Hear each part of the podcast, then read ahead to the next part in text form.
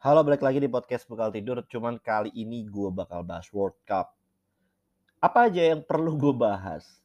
Yang menarik buat gue pastinya kontroversi yang pernah terjadi di World Cup. Gue akan bacakan ada 9 kurang lebih yang akan gue highlight kontroversi Piala Dunia dari masa ke masa. Kita mulai dulu dari yang pertama. Boykot Uruguay pada 1934 Piala Dunia ini ya.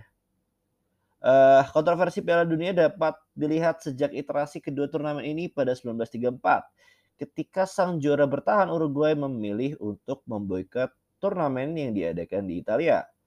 Sang juara merasa tidak senang karena kurangnya pesaing Eropa pada 1930 dan dalam rangka tit for tat. Mereka menolak untuk melakukan perjalanan ke Eropa mempertahankan mahkota mereka. Mereka tetap menjadi satu-satunya pemenang Piala Dunia yang tidak mempertahankan gelar mereka. Oh, berarti dia secara tidak langsung mengundurkan diri ya berarti.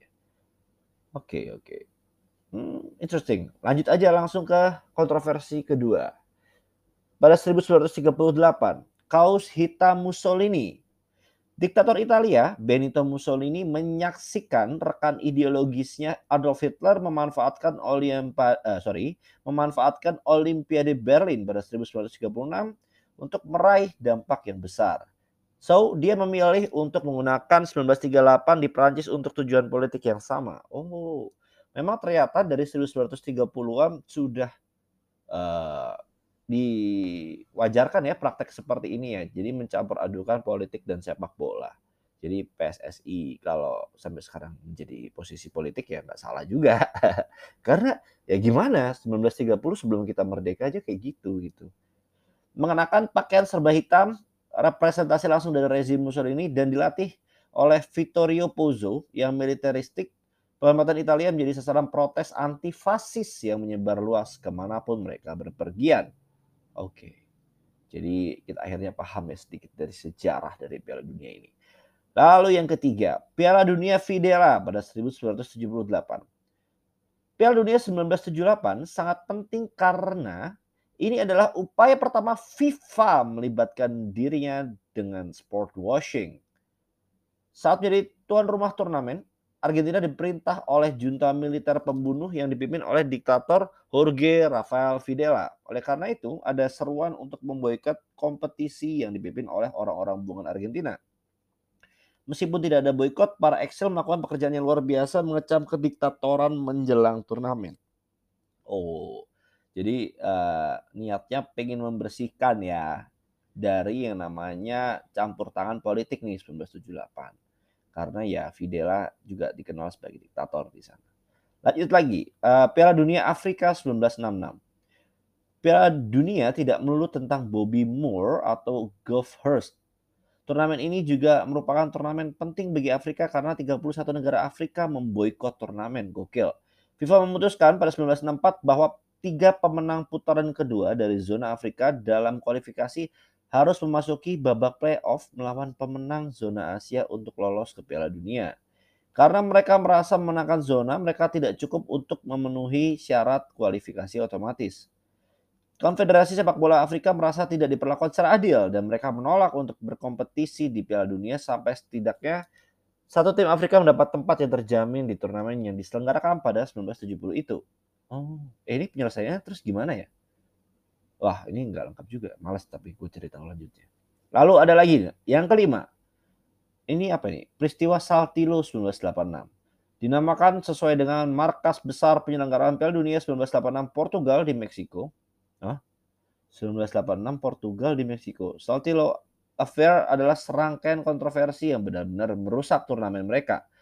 Kompetisi ini tidak lain adalah bencana karena para pemain Portugal mengancam untuk mogok kerja terdapat sejumlah masalah termasuk fasilitas di markas mereka di Saltillo dan para pemain yang tidak dibayar untuk iklan yang menyebabkan perang pers antara para pemain dan federasi terjadi. Tidak mengherankan, Portugal tersingkir di babak penyisian grup dan kemudian dikecam di media. Butuh waktu hampir satu dekade bagi sepak bola Portugal untuk pulih. Oke. Ini ini mostly gue belum lahir ya sebenarnya. Jadi gue cuma bacain aja. Tapi yang berikut ini gue udah lahir Kontroversi nomor 6, perselisihan tuan rumah bersama 2002 di mana Piala Dunia 2002 yang kita tahu adalah tuan rumahnya dua negara, Korea dan Jepang. Piala Dunia pertama diselenggarakan di Asia bersama oleh Jepang dan Korea Selatan pada 2002, tetapi ternyata kedua tuan rumah terlibat dalam perselisihan yang berkepanjangan pada awal 2001.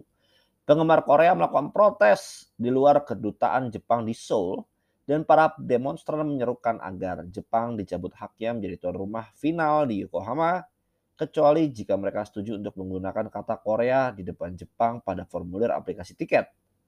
Oh, oke. Okay. Ini masalah ternyata masalahnya sepele ya. Jadi duluan mana yang disebut sebenarnya?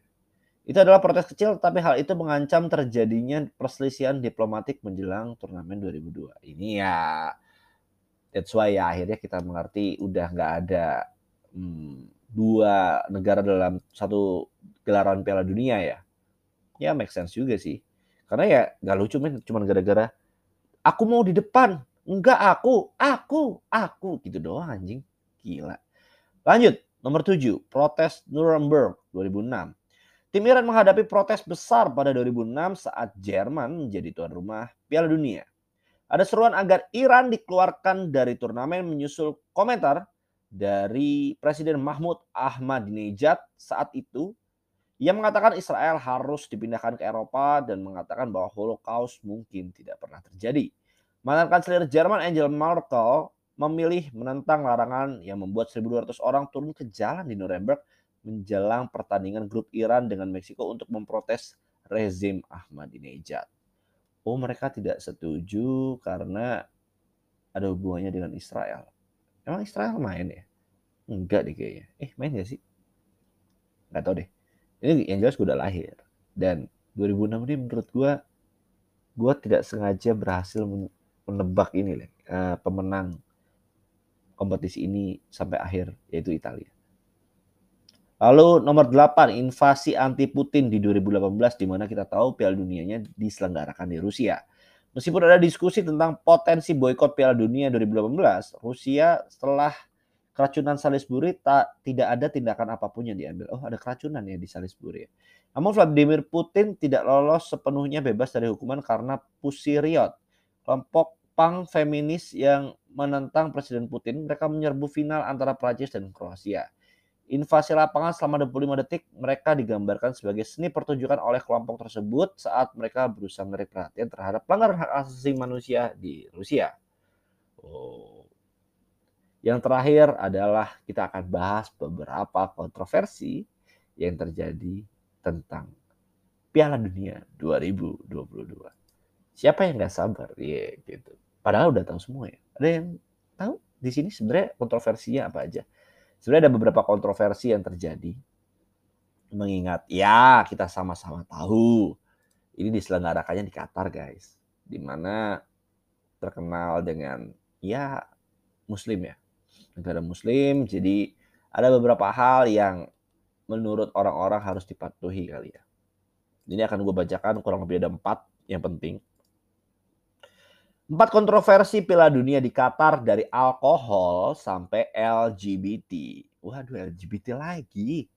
Yang pertama, larangan penjualan bir secara mendadak. Oke, gue bacain sedikit beritanya. Hanya selang dua hari sebelum pembukaan Piala Dunia pada minggu kemarin, Federasi Sepak Bola Internasional atau FIFA mengumumkan larangan penjualan minuman beralkohol di semua stadion. Pengumuman tersebut dikeluarkan FIFA setelah berdiskusi dengan Qatar selaku tuan rumah yang memiliki aturan ketat terkait alkohol. Sebelumnya, Budweiser, salah satu sponsor utama Piala Dunia, memiliki hak eksklusif untuk melakukan penjualan produk birnya. AB InBev di sekitar stadion, yaitu pada tiga jam sebelum atau satu jam setelah pertandingan. Oh, jadi dia itu dikasih wewenang jualan di tiga jam atau satu jam setelah pertandingan, tiga jam sebelum atau satu jam setelah. Oke. Namun kebijakan tersebut akhirnya direvisi setelah adanya negosiasi panjang antara Presiden FIFA Gianni Infantino, Budweiser, dan eksekutif komite tertinggi Qatar. Meskipun demikian, Budweiser akan tetap diizinkan berjualan alkohol di zona FIFA Fan Fest di kota Doha. Penjualan juga bisa dilakukan di tempat hiburan yang sudah ditentukan. Jadi tidak boleh terlalu bebas ya. Ini sebenarnya keren ya, merupakan adanya kompromi antar beberapa beberapa pihak supaya tetap ada jualan alkohol. Ye, gimana kata gurun? Alkohol lu. Yang kedua, ancaman terhadap kelompok LGBT. LGBT dan seks di luar nikah dianggap sebagai sebuah kejahatan menurut aturan Qatar sehingga bisa diancam hukuman pidana. Hal ini menjadi perhatian serius sejumlah penggemar sepak bola dunia terutama di Eropa yang lantang menyuarakan hak-hak LGBT anjing. Sebagian dari mereka mengaku batal menonton secara langsung di Qatar karena merasa tidak aman.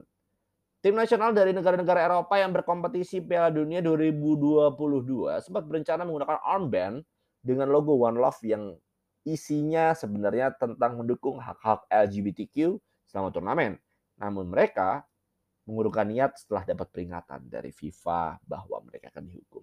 Anyway, kan udah mengecam LGBT nggak datang. Gue lihat masih rame-rame aja. Maksud gue udahlah gitu. Nggak usah gitu pakai lagu-laguan pakai boykot boykotnya LGBT ini ganggu aja. Dan armband dengan tulisan One Love itu udah dipakai Honda ya kata-kata One Love. Gue nggak mau jadi One Heart kan sebenarnya. Jadi One Love gue nggak mau logo di Honda jadi ada warna-warni kayak pelangi gitu sih. Enggak sih selanjutnya isu pelanggaran HAM pekerja migran sejumlah media melaporkan perlakuan tidak manusiawi terhadap ribuan pekerja migran yang membangun infrastruktur untuk Piala Dunia.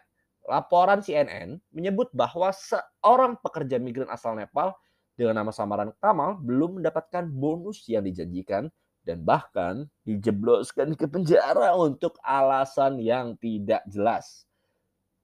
Katanya dia seperti ini, saya tidak diberitahu mengapa saya ditangkap. Orang-orang hanya berdiri di sana, ada yang berjalan dengan baju mereka, ada yang hanya duduk sambil merokok, saya ditangkap tanpa tahu apa yang terjadi. Oh, ini apakah paying victim? Gue nggak tahu ya. Meski demikian, otoritas Qatar sendiri membantah laporan tersebut. Ya masa ya diiyakan, ini harus dibantah lah. Ya kali gitu PR-nya bego, PR-nya Qatar mah udah pinter-pinter. Seorang pejabat pemerintah Qatar mengatakan kepada CNN dalam sebuah pernyataan. Setiap klaim bahwa pekerja di penjara atau dideportasi tanpa penjelasan itu tidak benar. Tindakan hanya diambil dalam kasus yang sangat spesifik. Misal, jika seseorang ikut dalam kegiatan yang ada kekerasannya. Oke. Sementara itu The Guardian melaporkan tahun lalu bahwa ada 6.500 pekerja migran asal Asia Selatan telah meninggal di Qatar sejak negara itu dipastikan menjadi tuan rumah Piala Dunia 2010. Sebagian besar terlibat dalam pekerjaan bergaji rendah dan berbahaya yang sering dilakukan di suhu yang sangat panas. Tapi kan nggak spesifik ya, apakah memang membangun stadion, membangun jalan tol, apa gimana gitu. Apakah memang mereka meninggal karena COVID, kita juga nggak tahu kan. Karena mengingat ya ini kan dibangunnya waktu COVID juga, ya nggak apa-apa sih kayak mungkin di beberapa negara kan gitu ya. Meninggal dibilangnya karena COVID aja gitu biar nggak ribet gitu. Weh, nyindir gue jadinya. Cuman ya ini sebenarnya tuduhannya harus emang dibuktikan ya. Nggak bisa segampang itu mengklaim 6.500 itu jumlah yang cukup banyak menurut gua. Yang terakhir, di boykot selebriti dunia. Waduh. Karena sejumlah kontroversi, selebriti dunia seperti Shakira hingga Dua Lipa dilaporkan melakukan boykot secara diam-diam. Nah, ini gimana nih? Boykot secara diam-diam. Oke, sebelumnya Shakira dijadwalkan untuk tampil dalam pembukaan Piala Dunia 2022, tetapi berubah pikiran pada menit terakhir. Menurut kantor berita Spanyol El Programa de Ana Rosa, pembawa acara Adriana Doronsoro mengatakan sudah dikonfirmasi kepada saya bahwa Shakira tidak akan tampil pada acara pembukaan. Tetapi mereka tidak mau mengatakan apakah Shakira memiliki peran lain di sepanjang Piala Dunia.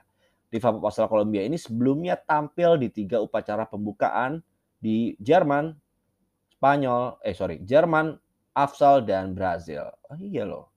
Kok bisa tiba-tiba tidak tampil? Kenapa? Apakah karena mungkin Qatar adalah fans PK sehingga pro PK kali ya? Iya gitu. Sekilas update dari kontroversi yang sebelumnya sempat menghangat selama pagelaran terjadi. So, lu semua tetap semangat dan tetap begadang nonton Piala Dunia 2022. Thank you semua udah dengerin. Jangan lupa dengerin episode gue yang lain. See you. Bye-bye.